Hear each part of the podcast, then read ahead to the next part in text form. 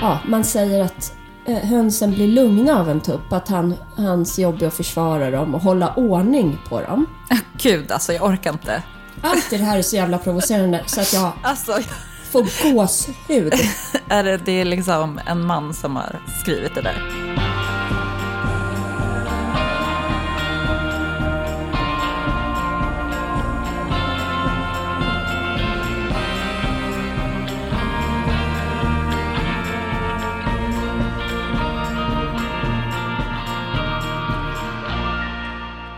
Kattis!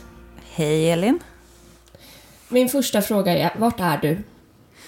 Jag sitter i mitt blivande bibliotek i Missionshuset. Och hur känns det? Nu känns det faktiskt eh, riktigt bra. Det är liksom en emotionell berg och dalbana, det här projektet. Ja, Ehm, vi, vi skulle ju ha åkt ut hit i helgen. Idag är det Just alltså det. onsdag. Men Jacke gick och fick covid i förra veckan.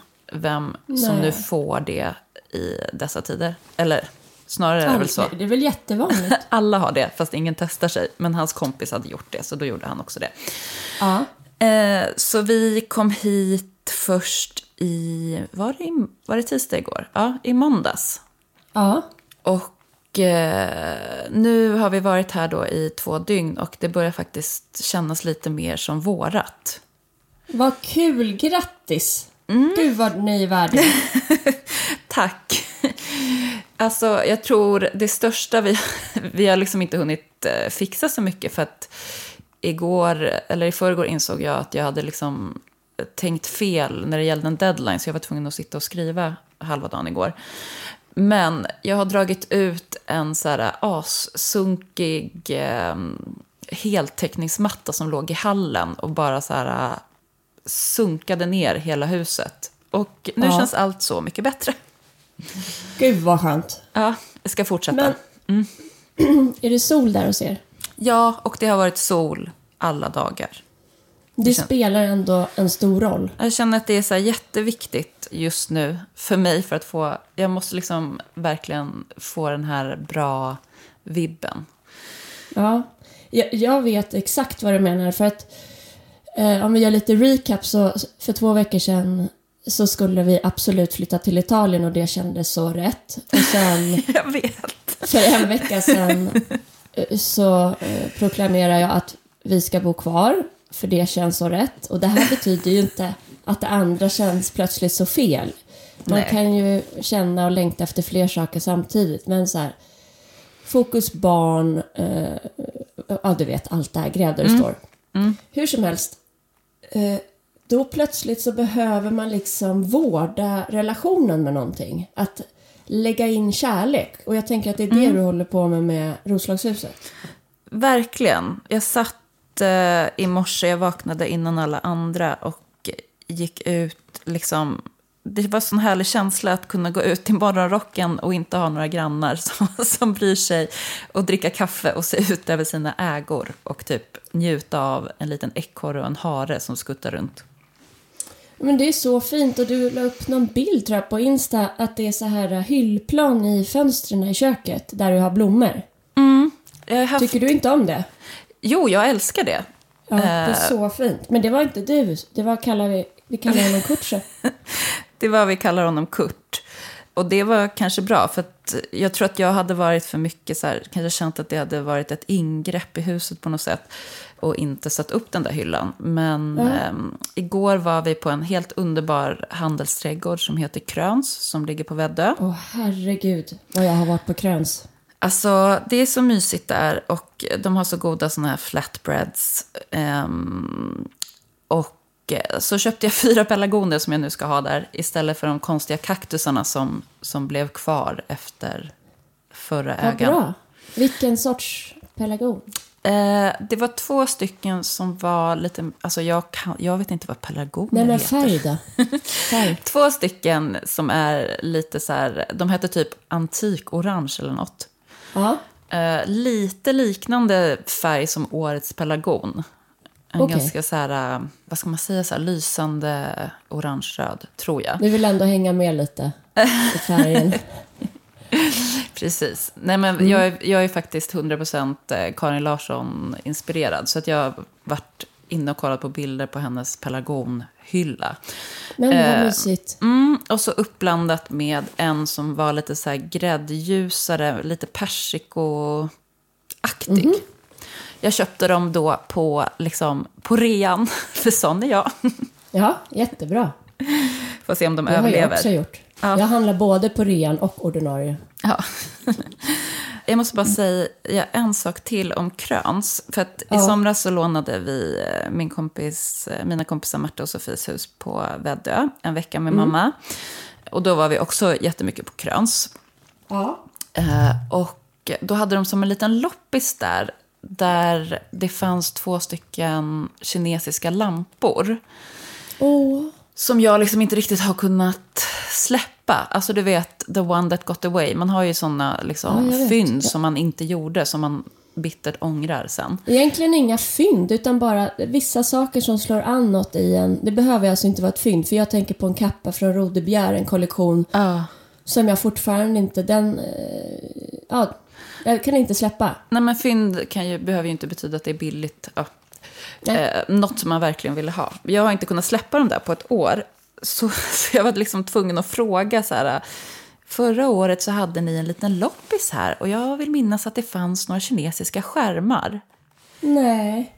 Eh, varpå Vad hon... fint. Ja, och, och först pratade jag med han som jag tror eh, är den manliga ägaren. Det är ett par har jag förstått det som. Japp, det är det. Eh, och han var så här, han bara, ja, jag tror att det kanske fanns en kvar. Prata med Helena. Så gick jag och pratade med Helena och hon var Det så är här, hans fru. ah, typiskt, jag tror att jag precis eh, kastade den sista. Eh, hon bara, Sluta. hon bara fast, fast vänta, låt mig gå och kolla. Så gick hon liksom in bland deras, i deras liksom typ soprum. och så kom hon ut med en lila, lite trasig skärm. Men jag blev ändå så himla glad, så fick jag den. Så nu ska jag koppla in den här. Fint. Alltså jag måste droppa en historia om Kröns, den ska gå jättesnabbt. Vi Ja. hade ju alltså landställe jättenära Kröns. Så Jag Ja. har gjort exakt samma grej som jag håller på med nu. Eh, liksom eh, gått, alltså gick all in i landställets eh, trädgård och skulle bli expert. Det var där jag ballade ur från, från första början och köpte en växtbok egentligen. Ja. Du ballade ur och köpte en växtbok. Jo men alltså, Galet. rock'n'roll, lite out of the box. Nej, det jag menar med det är från en balkong till så här, åh, här är en tomt. Eh, jag bara handlar massa grejer, jord och gödsel och jag måste ha en bok. Hur gör man? Alltså det blev väldigt Ja. yvigt liksom. Ja. Men hon Helen har ju varit eh, hos eh, oss där på landstället och jag, alltså, vi, jag var där mycket. Ja. Och jag minns inte, eller jo, jag vet ju inte hur hennes man ser ut nu, men han var liksom lite hunkig för 15 år sedan, 10 år sedan. Gud, alla som... Alla, alla mina kompisar, tjejkompisar som har pratat om Kröns har beskrivit den där mannen som lite hunkig. Ja, men i alla fall, då skrev jag något om det på typ, om jag hade en blogg då eller på Insta. Så det här var ju i begynnelsen, man trodde ju inte att någon, eller jag, nej inte man. Jag trodde inte att någon typ såg vad jag skrev. Eller så här, hur stor är sannolikheten att de ser det? Jag hade kanske fem följare. Ja, men, nej, men det, det gjorde ju de. Så han, eh, det stod ju, ja, då, jag skriver ju att han typ är hunkig, så nästa gång jag kom, då var han helt pionröd i ansiktet och så här generad. Eh, Och hans fru typ kommenterade så här, åh vad roligt, då blir han eh, glad, det tycker jag också typ. Jag bara, ah. Så det tänker jag på när jag tänker kröns, förutom att det är en fantastiskt, fantastiskt fin eh, handelsträdgård. Ja, det är så himla mysigt just att alltså när vi var där på Väddö i somras, då hade ju inte vi någon aning om att vi skulle liksom köpa ett hus här. Eh, så det var så himla mysigt att vara så här, men nu åker vi på vår utflykt som vi brukar göra när vi är på landet. Alltså Ja, den men- känslan. Men att, ja, och, eh, och att det är ert land nu. Mm, det är, alltså jag ville typ köpa en Roslagsbok. För att så här, Jag har köpt en Saltsjöbaden-bok Är det sant? om historien. Ja. Den heter Till Saltsjöbaden, en skapelseberättelse och är skriven av Lars Westman. Han, han är ju en eh, journalist som har skrivit mycket på tidningen Vi. Ja. Han, är- eh, han är väldigt, jag gillar verkligen hans sätt eh, att skriva. Det är så här direkt, liksom reportageigt, eh, beskrivande. Han är grym. Och den här Ja. boken känns liksom rolig. Så jag tycker definitivt du ska köpa en bok om Roslagen för man vill ju kunna liksom. Det är ett sätt att, att ladda in kärlek. Ja, alltså en sak som jag hörde på radion nu när det har varit så mycket om Ryssland och Ukraina av kända orsaker. Det är att Ryssland egentligen har fått sitt namn från Roslagen. Jag vet, jag vet. Det är liksom hisnande. Och så behöver du få koll på så här postrodden i Grisslehamn. Absolut. Albert Engström. Ja, men honom har jag lite koll på. Det är liksom mitt och Milos favoritställe. Ja, det badet där. Mm.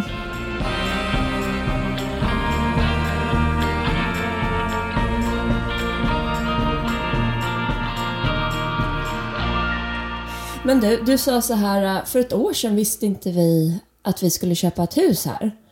Och jag kan säga att i förrgår visste inte jag att jag skulle köpa kycklingar igår kväll. Alltså jag vill... Jag har ju liksom eh, sett i dina flöden att i typ förrgår var det så här... eh, Nej, var det att du skrev till mig? Eh, jag är sugen på att köpa höns. Det kanske vi Ja. kan prata om i podden. Och igår såg jag att i er tvättstuga i Saltis så finns det nu höns. ja, Det, jag bara kände så här... Eh, det går så fruktansvärt snabbt i familjen Lervik. ja, i alla fall eh, ho- hos mig. Men just nu är de ju kycklingar och det här är de, alltså de är så sinnessjukt söta. Har du sett den här Madagaskar-filmen? Jag har faktiskt inte det. Nej, men den är gullig. Den kanske Milo och Hilma kommer gilla Ja. också. Den är tecknad, men då, är det, då är det små pingviner. Den ena äter asmycket och är så här, Alltså de är roliga, det är karaktärer. Och de här är så sjukt roliga. Den ena minsta som är två dagar, eh, den sitter och sover. Alltså den somnar och dunkar huvudet ner i marken och vaknar till och somnar och dunkar huvudet ner i marken. Och så använder den näbben som ett tredje ben när den sover. Nej, fy fasen vad gulligt. Det är sinnessjukt gulligt. Men då, eh, igår när jag skulle åka och hämta hönsen, kycklingarna, då kände jag att jag skulle behöva läsa på lite till. Så då bad jag Ingrid som var med att sätta på en podd om att skaffa höns. Och vi fick leta ganska mycket för att hitta en sån liksom, eh, guide. Eller jag vet inte om hon var åksjuk typ. Men eh, jag tänker att det här, vi, vi kan gå igenom lite grann hur, det- hur det är och hur man kan tänka när man skaffar höns och kycklingar. Alltså, jag tror ju att det är, liksom, det är så mångas dröm att ha Ja. sina egna höns. Jag vet inte riktigt varför. Vad är det liksom som gör att man verkligen lockas av det?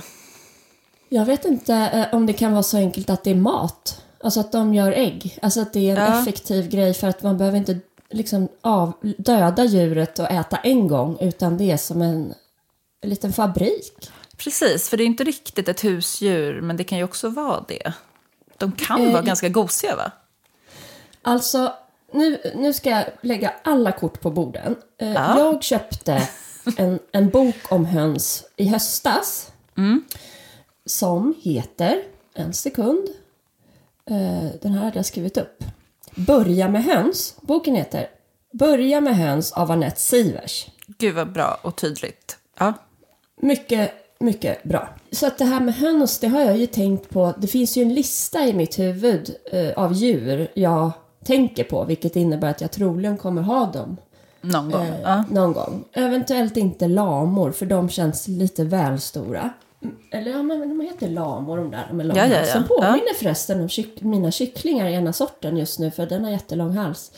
Men sen så dog ju kaninerna. Ja. Eh, det var ju ett väldigt bortfall i antal djur. Ehm, och så har jag blivit ha, harig, haha, med kaninerna och den här inhägnaden och inser att det måste vara ett ordentligt tak och då behöver vi ha ståhöjd i den här liksom getgården eller kaningården för att man ska umgås med dem mycket och sådär och att de ska trivas. Och då plötsligt kommer jag ju på andra djur som gillar hönsgårds eh, liksom, teman och det är ju höns. Ja. Så kom jag på att vi ska ju bo här nu och eh, jag har ju varit ute dygnet runt eh, sista dagarna. Al- Alltså det här är det bästa, bästa, bästa jag vet i Ja. livet, är att vara ute i trädgården. ja. Eh, Ja, alltså som människa oavsett diagnos eller ej, men jag får sånt flow eh, så att tiden bara står stilla. Jag alltså bara planterar och fixar och donar och så bara, men här kan det ju också vara höns. Gud vad Ehm, underbart.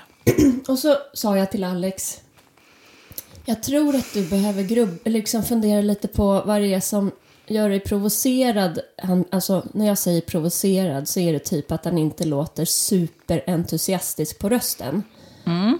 När jag föreslår olika djur. Eh, alltså, kom, Jag älskar att du ska göra det till hans problem. ja, men det är ju det, för, för det är ju inget problem för mig. Det är ju ett problem jag- att han inte tycker som du. Ja, det är ett problem. Men jag, jag kan liksom... Jag, men det här, jag är helt uppriktig nu. Jag kan inte förstå vad det är. Alltså om, om du bor någonstans och så finns det höns där. Om du inte behöver göra något med dem. Eller okej, de kanske bajsar och så. Jag fattar inte. Men han, eh, han är så glad. Eh, för, eh, Han det kom funderade, kom han fram till vad det var då?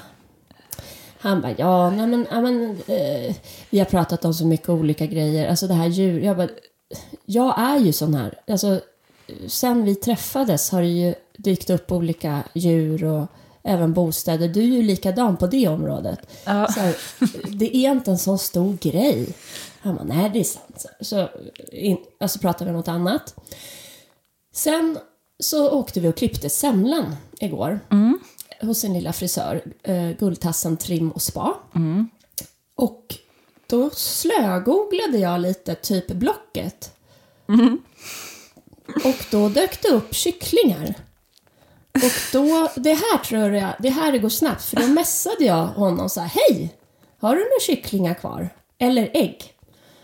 Alltså sådana här ägg som man lägger Som, i en som maskin. kläcks? Ja. Ja. Ja, eh, och så hade han massa olika sorter. Du kan komma nu om du vill. Ja, om, någon, om någon säger så till mig, då om jag vill något så kändes det så här, ja varför inte? Det här kan bli, vi klippte hunden och så åker man hem och äter middag kvällen. Eller vi klippte hunden och kom hem med, med sju stycken kycklingar. Ja. Och då tyckte jag att alternativ två lät roligast. Så mycket riktigt så åkte vi då till den här uppfödaren och lyssnade på ett samtal om att skaffa höns. Och så här har egentligen jag tänkt.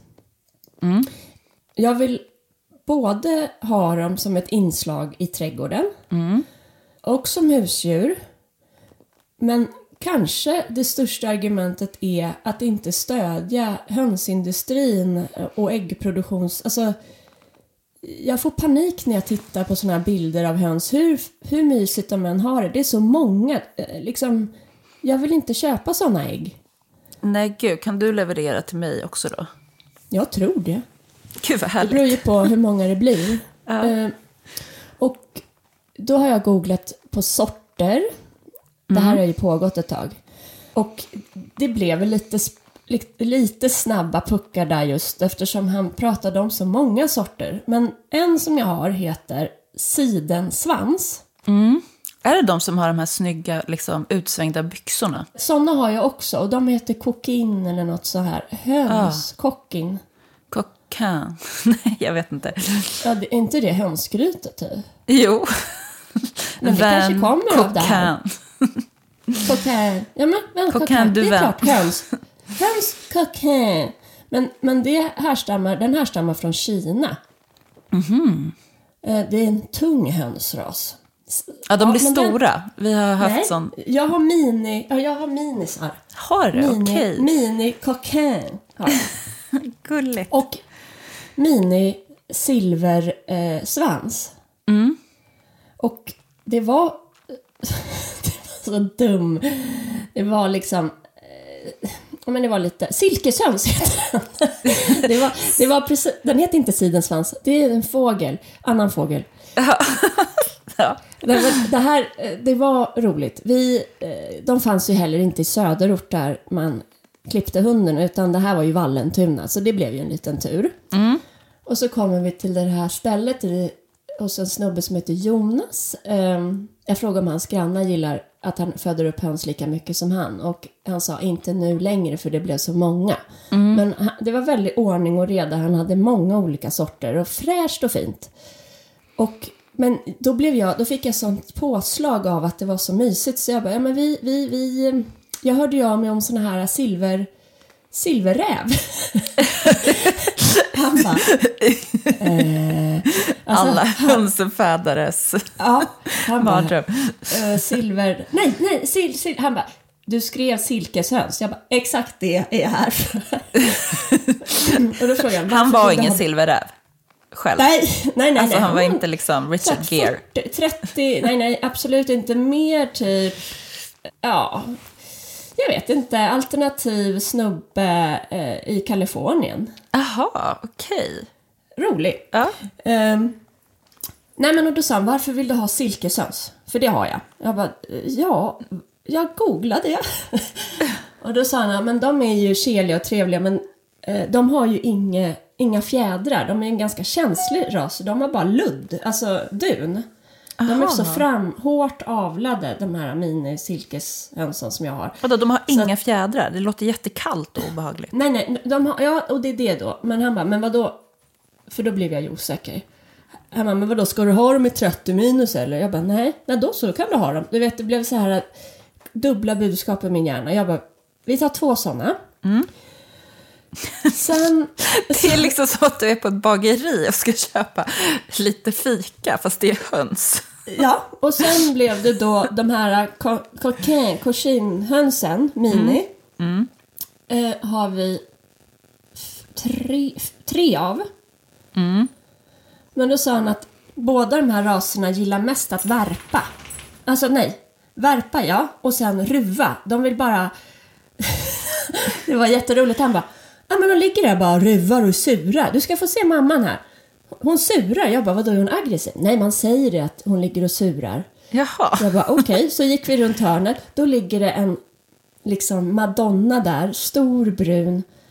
Och bara ligger, hon bara, så där ligger de sen och ruvar och ruvar. Hon just här ruvar ju på befruktade ägg. Men han, han hade liksom det här, äh, min, min äh, stora respekt för kvinnan och moderskapet och sånt, det upplevde jag inte alls där. Utan jag bara, åh, vad fint um, och sen har vi då köpt italienaren. Och jag är osäker på vad det är för ras. Men han sa att den, eh, den här är som en äggmaskin. Nu har du fyra kelgrisar. Eh, ta, om jag var du skulle jag ta tio höns. Så han bara, nej men det, det tror jag är för mycket. Jag skulle ju ha tre. Eh, men det blev sju. Men då har vi i alla fall kompletterat nu med två italienska. Eh, det kan vara en brun leghorn. Jättefina. Och de värper tydligen jätte, jättebra. Så nu har vi en mix och, och de där han bara, det blir ett om dagen. Så då får vi två ägg om dagen. Det är ju 14 ägg i veckan bara av de där två. Men gud.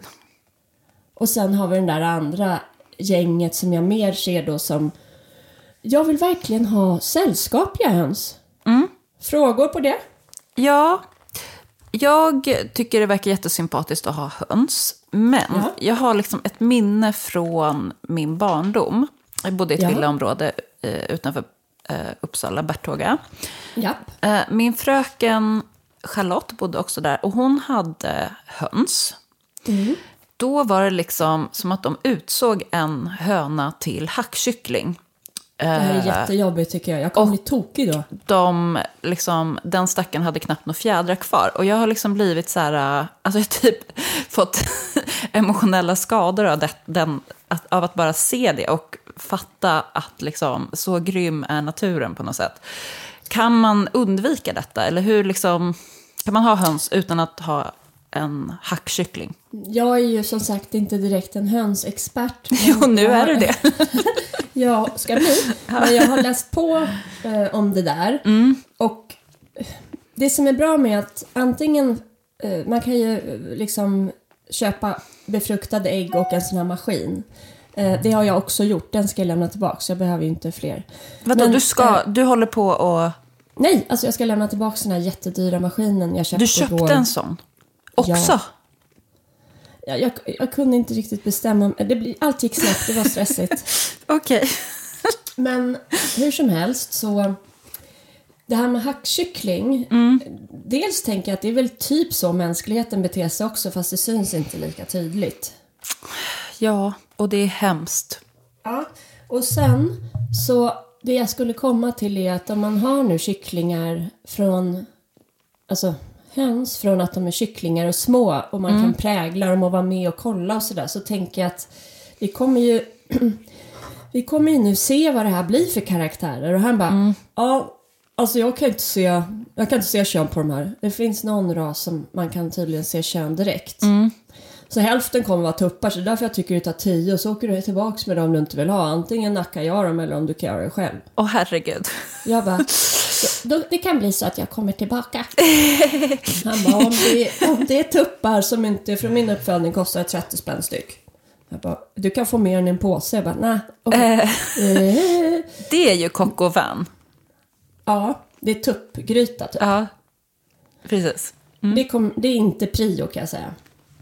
Däremot så, så tycker jag eh, att jag, eh, jag behöver, alltså, man behöver kunna avliva djur om man har så här många djur. Ja, jag menar, eh, du förespråkar ju eh, djur som liksom uppfostringsmetod för barnen. Att få lära sig om död och liv och sådär. Så jag Ja. tycker det är liksom verkligen helt rimligt. På det spåret så ligger ju fortfarande de stora väderskaninerna i sin kista. Och nu när vi har gått från liksom minusgrader, jag känner att jag behöver åtgärda det här snart. Ja, finns det någon djurkyrkogård? Vi kan man lämna in egen. Ja, ni har en egen. Men Man, du, eh, man får ha det på sin tomt. ja. Men de är så stora så jag ett, ett svagt ögonblick funderade på om jag skulle elda upp dem i utebrasen, alltså som att kremera dem. Jag tror du behöver ha det lite varmare än så. Är det så? Att det, Alltså- de, det, det är inte torrt virke liksom? Nej, för, Gud, försök för inte jag, det. ring, jag, jag ringde mamma och, och för då var det mer som ett moraliskt, ja men vad- det, du måste upp i en jävla hetta alltså såklart. Eh, det, då var det mer en moralisk rådgivning. Ja.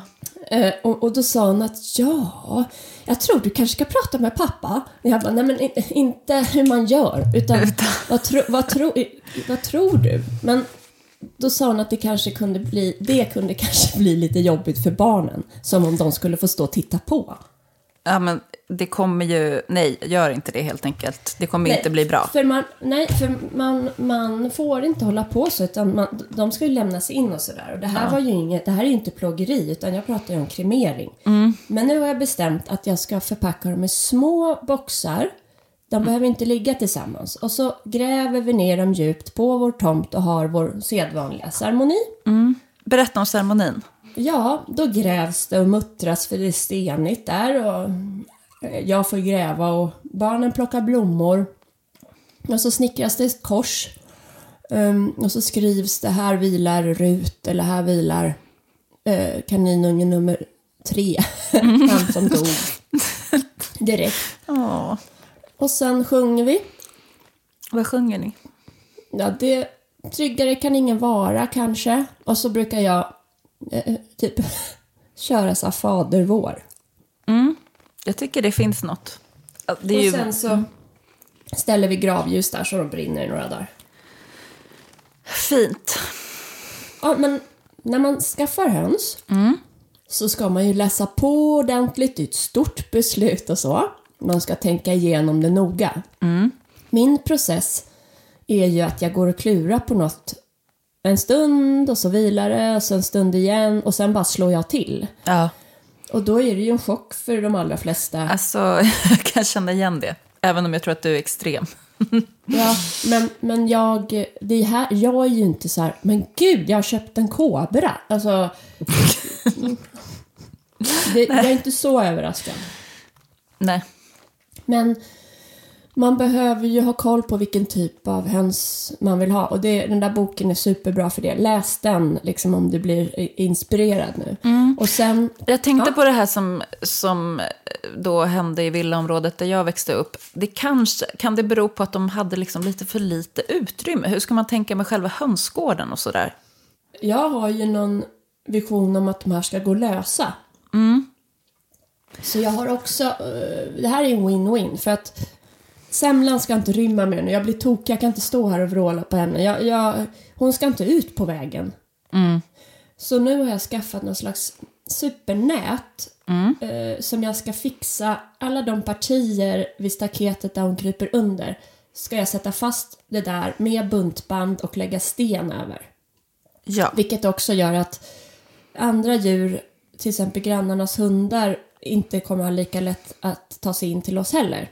För hönsens skull. Eller räven. Och sen har jag kommit på att vi har ju en liten, liksom jag har ju ett planteringsrum kan man säga mitt emot huset, ett uthus. Och bredvid den så finns det en del av tomten som är den enda som är lite gräsig liksom. Vi har ju ingen gräsmatta. Nej. Och det är väldigt Eh, härligt. Underbart. Där ska jag nu, eller jag tänkte fråga Uffes allservice, eh, pappa. Eh, om han kan bara eh, liksom såga upp som en kattluckestorlek ungefär. Och så har man en ramp ner till Ja. marken. Och där ska jag då ha en helt inhägnad hönsgård. Med tak. Det är bra. Och den ska vara snyggt gjord. För rovfåglar, det, jag vet att eh, hos Hanna Hellqvist så hon, hon har ju haft höns, eh, Mm. både inne och ute. Men eh, det var några där som blev tagna av någon rovfågel. Ja, och Sorgligt. där har jag läst att vita höns, de syns jättebra. Eh, Så bor man i områden med mycket så här havsörn eller vad de heter. Ja. Ja, ni bor ju precis vid vattnet. Vi ja. Ja, Vi har inga vita. nej bra.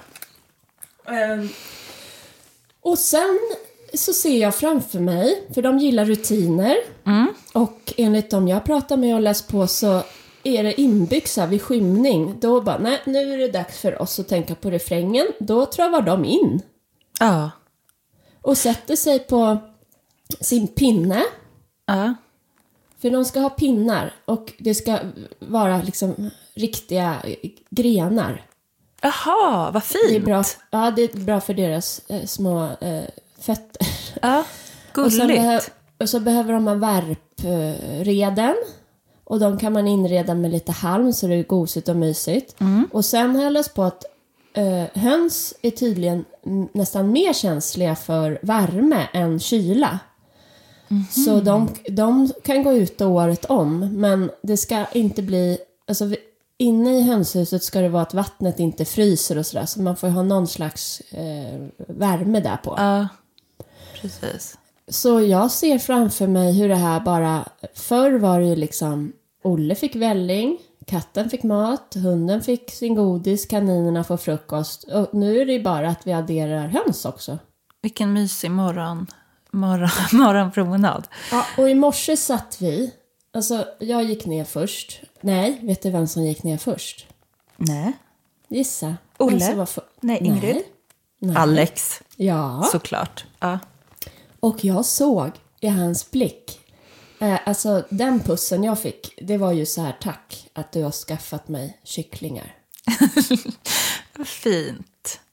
Ja, men, eh, han bara, det här är ju faktiskt fantastiskt för nu är vi självförsörjande på ägg. Ja, men det är ju otroligt faktiskt. Och, och då, satt, då kom ki- småkillarna sen och så satt Olle och drack välling med Ja. fötterna mot eh, den här lådan de är just nu. Vid värmelampan. Och Ivar satt med eh, Basse, en liten kyckling. Han är rolig. Och luktade. Och eh, jag har lagt fram fårskinnsfäll där framför. Och semlan satt och, och bara, åh jag vill äta eller pussa eller jag vill något med de här. Ja. Men det var en sån här stund som jag bara, det är det här jag vill ge mina barn. Ja. Fint. Du, katten måste jag bara fråga. Henne litar jag inte på för en sekund. Alltså för Nej. hon, hon är ett riktigt liksom killer machine. Hon, hon sitter just och tittar på mina fåglar som jag frömatar. Ja. Och jag tror hon typ listar ut vem som är svagast och sen en halvtimme senare kommer hon med den i käften och lägger den liksom, hon lägger ju upp dem på rad, döda olika varelser. Så att, Ja. nej, hon, de måste få växa till sig och bli så stora så att de kan hacka henne Ja, eh, precis. Bra. Bra där. Apropå höns så har vi fått ett gulligt DM. Eh, någon som var snabb på, på att vi skulle prata om det idag. ja vad kul. Eh, jag måste bara få läsa det, för att eh, det, det liksom kanske kan inspirera andra att eh, våga ha höns i eh, villaområde. Kul! Mina får fritt fram tills odlingarna drar igång. De håller sig inom trädgårdens ramar för det mesta, så det funkar superbra. Vi bor i ett villaområde och det har blivit en fin gemenskap med grannarna tack vare hönsen. Obs, Vad ingen fint. tupp. De kommer med matrester, köper ägg och tar med barn som vill titta etc. Jag tyckte det lät jättehärligt. Ja, men i, I natt så fick jag ett sms av grannen. Bara, eh, Vår son kommer imorgon. Eh, och det är underbara eh, Klara Andreas-grannarna. Vi är faktiskt omringade av gulliga grannar. Eh, på frågan om tupp så är det ju liksom eh, rekommendation och så här... Eh, ja, man säger att eh, hönsen blir lugna av en tupp. Att han, hans jobb är att försvara dem och hålla ordning på dem. Gud, alltså jag orkar inte. Allt det här är så jävla provocerande så att jag Alltså, jag, får gåshud. är det, det är liksom en man som har skrivit Jag det här. vet inte, men det, det, det, alltså det, det, är liksom, det finns fakta som visar att det kan stämma. Men Okej. det finns också massa exempel där tuppen inte alls har behövts, utan de mår bra i alla fall. Så eh, nu ska vi se hur många av de här som är höns. Jag gick helt sonika på de fulaste och minsta. Det är ju de stiliga ofta som blir tuppar. Ja, de stiligaste. Ja, de snyggaste, det, det var i alla fall han den här Jonas. Han bara, nej men snygga, snygga kycklingar, det tenderar att bli äh, tuppar. Men, Ja, så jag gick på Okej. fula och små. Ja, bra. Du kanske fick håller- sju hönor. Och håller tummarna för dem, det är ju som så här, äh, det här kommer ju bli diamanter sen. De, de är ju bara smarta så här. De håller sig fula nu så att eh, de ska få liksom hamna i bra sammanhang. Och sen blommar de ut. ja, nej men så vi får se hur det blir med det där. Ett annat om man vill ha höns och kycklingar och ha lite mer tålamod. Då är det ju en sån där äggkläckningsmaskin man ska skaffa. För då, då kan du beställa hem eller hämta befruktade ägg som du Ja. lägger i en maskin. Och sen så kläcks äggen efter tre veckor, eller det beror på när de är befruktade såklart. Ja. Och så får du dina kycklingar. Men jag insåg sen så här, nej, var, nej, att vara gravid, det värsta var att gå och vänta. Ska jag gå och vänta på ägg när jag kan skaffa kycklingar direkt? Nej! Eh, så nu har jag eh, kycklingar direkt. Men jag kan tänka mig i vår hönskarriär så skulle det vara fint någon gång att få se eh, ägg kläckas. Mm. Så himla mysigt.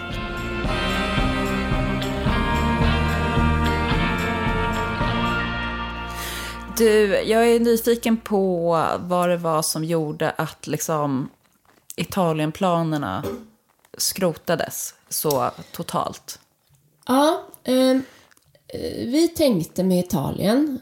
eh, Alltså varför vi har köpt den här lägenheten är ju för att vi vill ha en, liksom en plats i Italien som är vårt. Eh, claima någonting återkommande eh, och få leva ut de sidorna i oss själva. Och sen i och med mina nya uppdrag som är liksom på distans här. Ludvig Svenssons, de sitter i Kina. Svenssons och Nordic Nest sitter i Kalmar. Jag sitter ändå inte bredvid dem och det är ju inte som när jag arbetar för Svenskt Tenn att det är löpande pressvisningar eller där jag har ett, den typen av fysisk, liksom, att jag måste vara någonstans. Sen så Så vi insåg det och så insåg Alex bara, nej men jag skulle ju kunna hyra ut mitt kontor. Och så, för han håller på med ett jättespännande projekt nu och, som, han- och han är i en researchfas. Så han bara, då kan jag göra det därifrån. Eh, barnen har inga eh, nationella prov och sådär. Det var liksom, det bara kändes, vi kör nu så kan vi hyra ut huset och så. Men det som var, var att jag märkte, vi märkte båda på eh, framförallt Ivar att han ville liksom inte göra det där. Och jag tror inte på generellt att barnen i alla frågor ska styra. Liksom. Man måste vara tydlig, så här, hit går vi nu och så. Man ska alltid lyssna och inkludera. Men jag tycker det är ganska rimligt att inte flytta när man precis har flyttat till ett hus och etablerat honom i en skola eller dem. Ja, men exakt det här sa du ju redan innan ni kom fram till att ni skulle flytta. Jag vet, men då finns det ju en annan röst i min hjärna som var Absolut, men barn är också med om krig. De flyr och de överlever. Eller Ja. så kommer det 40 andra sådana argument. Så här, Tänk vilken rikedom och det är bara 10 månader. Och jag tycker med många sådana här livsfrågor så finns det ju, det är inga självklara val liksom. Men till slut så är det ju summan av plus och minus argument och magkänslan. Det kan vara 20 plus och 3 minus och så säger magkänslan nej. Då går jag på det. Och det var som att Alex och jag har kalibrerat oss så, så vi har samma synk i det där. Så vi- det var som att båda så här tittar på varandra och bara, nej men vi ska inte göra det här nu. Han, då, då sa Alex, han bara, vet du vad, vi gör det här om fem år. Alltså som en plan. Och vi har ju aldrig haft sådana planer, så här, vad vi ska göra om fem år. Eller jo, yrkesjobbmässigt sätter vi ju planer. Men, men inte för familjen. Så nu håller jag på och gräver där jag står så in i bomben och etablerar mig här liksom. Jag kände nämligen samma sak, att så här, nej men vi ska inte flytta till stan. Nej, och hur tänkte du då? då? Jag tror att det är så här, det som alla har sagt till mig. Det var vintern. Då Ja, vill man liksom inte vara i Sverige. Jag tror det är det. eller man, du vill inte i alla fall. Ja, eller jag skulle vilja, om, om det var liksom eh, snöiga vintrar som förr i tiden. Alltså typ att jag så här, eh, nästa år säkert kommer börja fantisera om att flytta upp till Umeå nästa vinter. Bara för att få så här, eh, riktiga vintrar. Så det ska jag förbereda mig på. Men nu var det bara så himla härligt att eh, få flytta ut i trädgården lite och barnen kan bara vara i skogen och klättra i träd. Jag tänkte på Pernilla, vad heter hon? Wåhlin? Norlin? Pernilla Wåhlén Norén. Nej. Pernilla Wåhlin Norén. Pernilla Wåhlin Norén. Ja. Som vi ju återkommer till här i podden titt som tätt. För att hon Mm. eh, är väldigt inspirerande med allt som hon hittar på. Så kreativa projekt från just skogen framför allt. Och Ja. nu kommer hon med en bok som handlar just om det.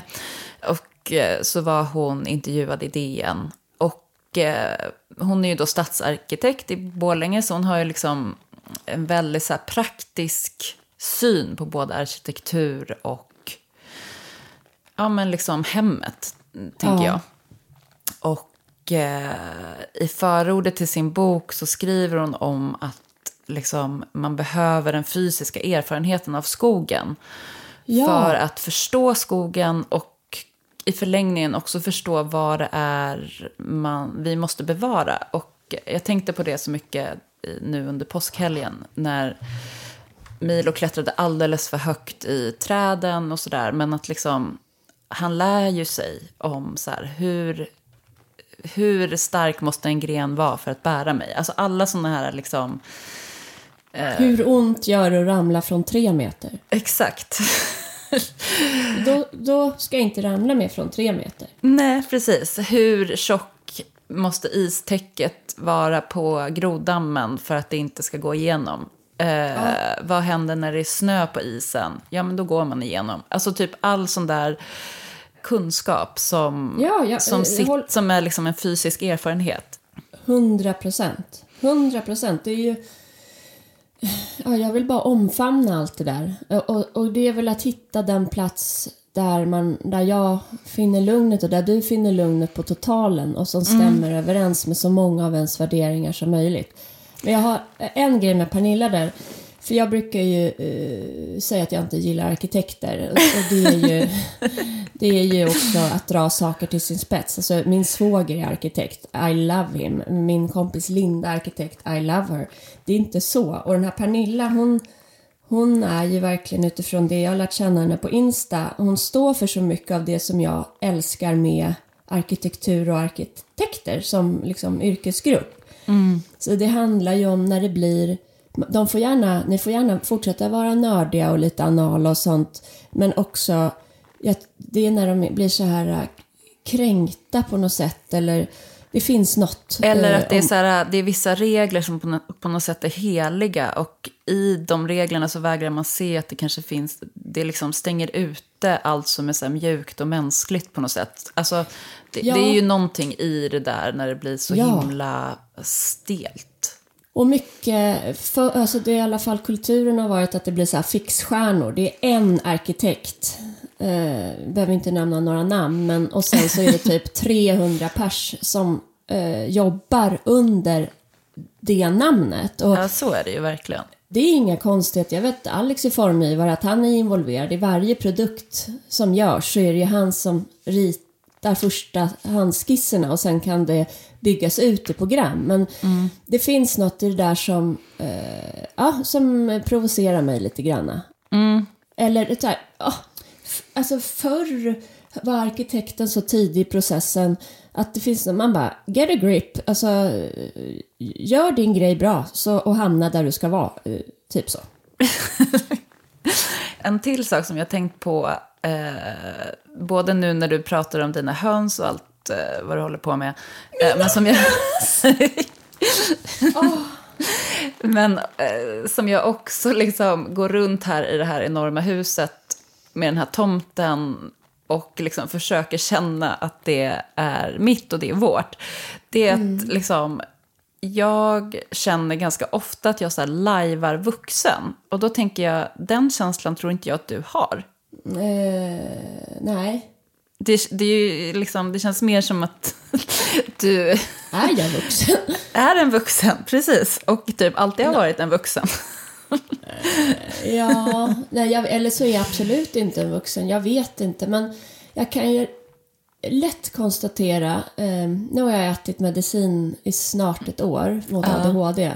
Ja. Att, och det här är upp till var och en eh, vad man tycker om medicinering och inte och forskning hit och dit. Men personligen så är jag så otroligt tacksam Amanda Schulman för att du frågar har du inte tänkt på om du kanske har ADHD efter fem minuter? Därför att det har resulterat i att jag börjar med den här medicineringen och det jag tycker den absolut hjälper mig bäst med, det är att ta tag i det där som inte är så kul och strukturera upp och ordna. Sånt som jag förr, du vet, jag, jag kan, så här, varje kväll när jag ska borsta tänderna så bara, nej gud vad tråkigt. Jag gör det ju, men eh, nu, tänk, nu är det mer så här, ja, men det är en sån sak man gör. Jag, alltså det är massa energibortfall som har försvunnit av att tänka på vad tråkigt det är. Jag bara gör. Ja. Så eh, vet, det, har, det är liksom som att det har kommit in olja i hjärnan som för, gör att det funkar ännu bättre. Jag tycker inte att jag lugnar ner mig. Jag har typ blivit ännu mer strukturerad. Mm, precis, du kan rikta energin bättre liksom, Ja. på något sätt. Men, Men, sen tappar jag ju bort mig. Och som igår, förlåt, men igår fick jag, det var nästan som när vi satt i bilen på väg hem och jag hade kycklingar innanför liksom, skjortan för att de behöver ju värmelampa. Och jag körde. Då fick jag så här, du vet som när man är full eller har varit full och vaknar bakis dagen efter. Och det är typ som ett eh, ADHD-bakis. Att jag så här, shit vad snabbt det här, oj. Och sen så bara, ja, men Elin, nu gick det snabbt i själva görandet, men det här har du tänkt på. Så får jag prata mig själv till rätta. ja, gud vad bra.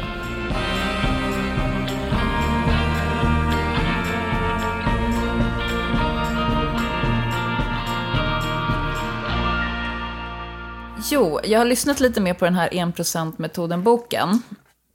Och jag tycker att det är som att så här, det finns någonting i våra samtal som vi har haft nu i ett år som håller på att knytas ihop på något sätt. Och det, den boken handlar ju också väldigt mycket om själva görandet. Och så tänker jag på din psykolog som har liksom också varit så här, man behöver inte tänka så mycket, bara gör. Ja, vissa eh, grejer behöver man liksom inte, det är bara att göra det. Ja, precis. Och det är någonting som är så väldigt befriande i det tycker jag. Jag tycker det verkligen att det är så här, om man lägger fokus på görandet istället för eh, ältandet eller eh, ja, men, all den här onödiga hålet. energin som bara, ja men precis, hålet som kan fyllas med oändligt mycket jobbigt.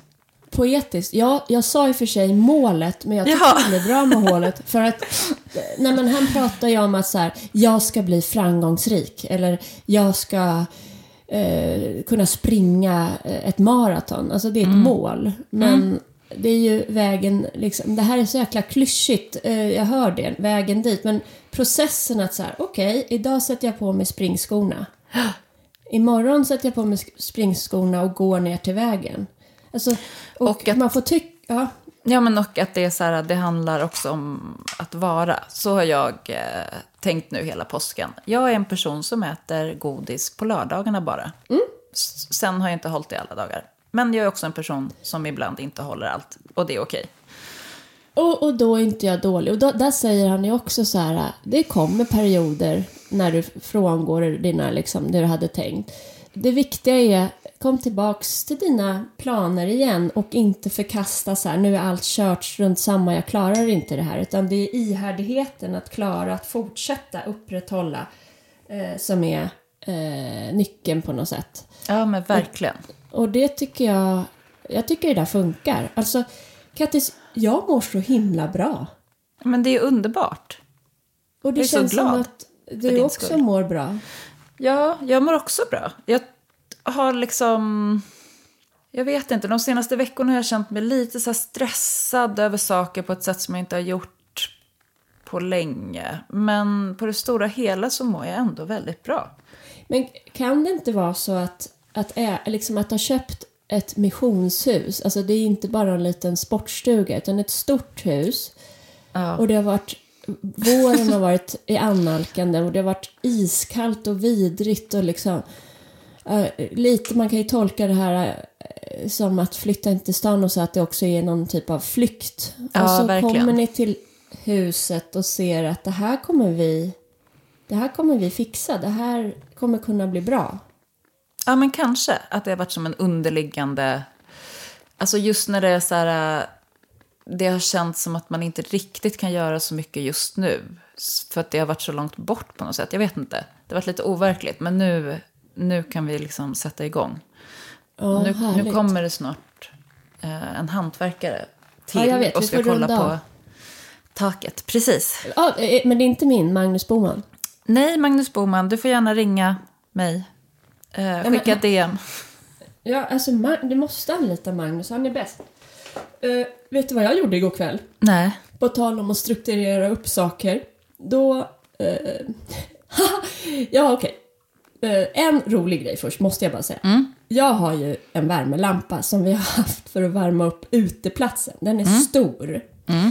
Och kycklingarna behöver ju värme. Typ ja. 37 grader. Mm.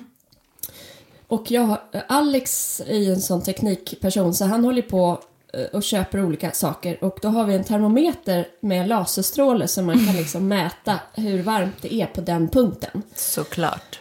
Så jag ställde in det där och gick upp och nattade Olle jättesent för att han ville ju vara med i hela kycklingprocessen och så kom äh. jag ner. Då står kycklingarna på rad. Förlåt alla ni djurvänner, men det här såg jätteroligt Så långt ifrån eh, lampan som möjligt mot plastväggen så här och bara liksom nej, armarna så utsträckta. Då var de för varma. det såg otroligt roligt ut. De bara oh my god jag dör.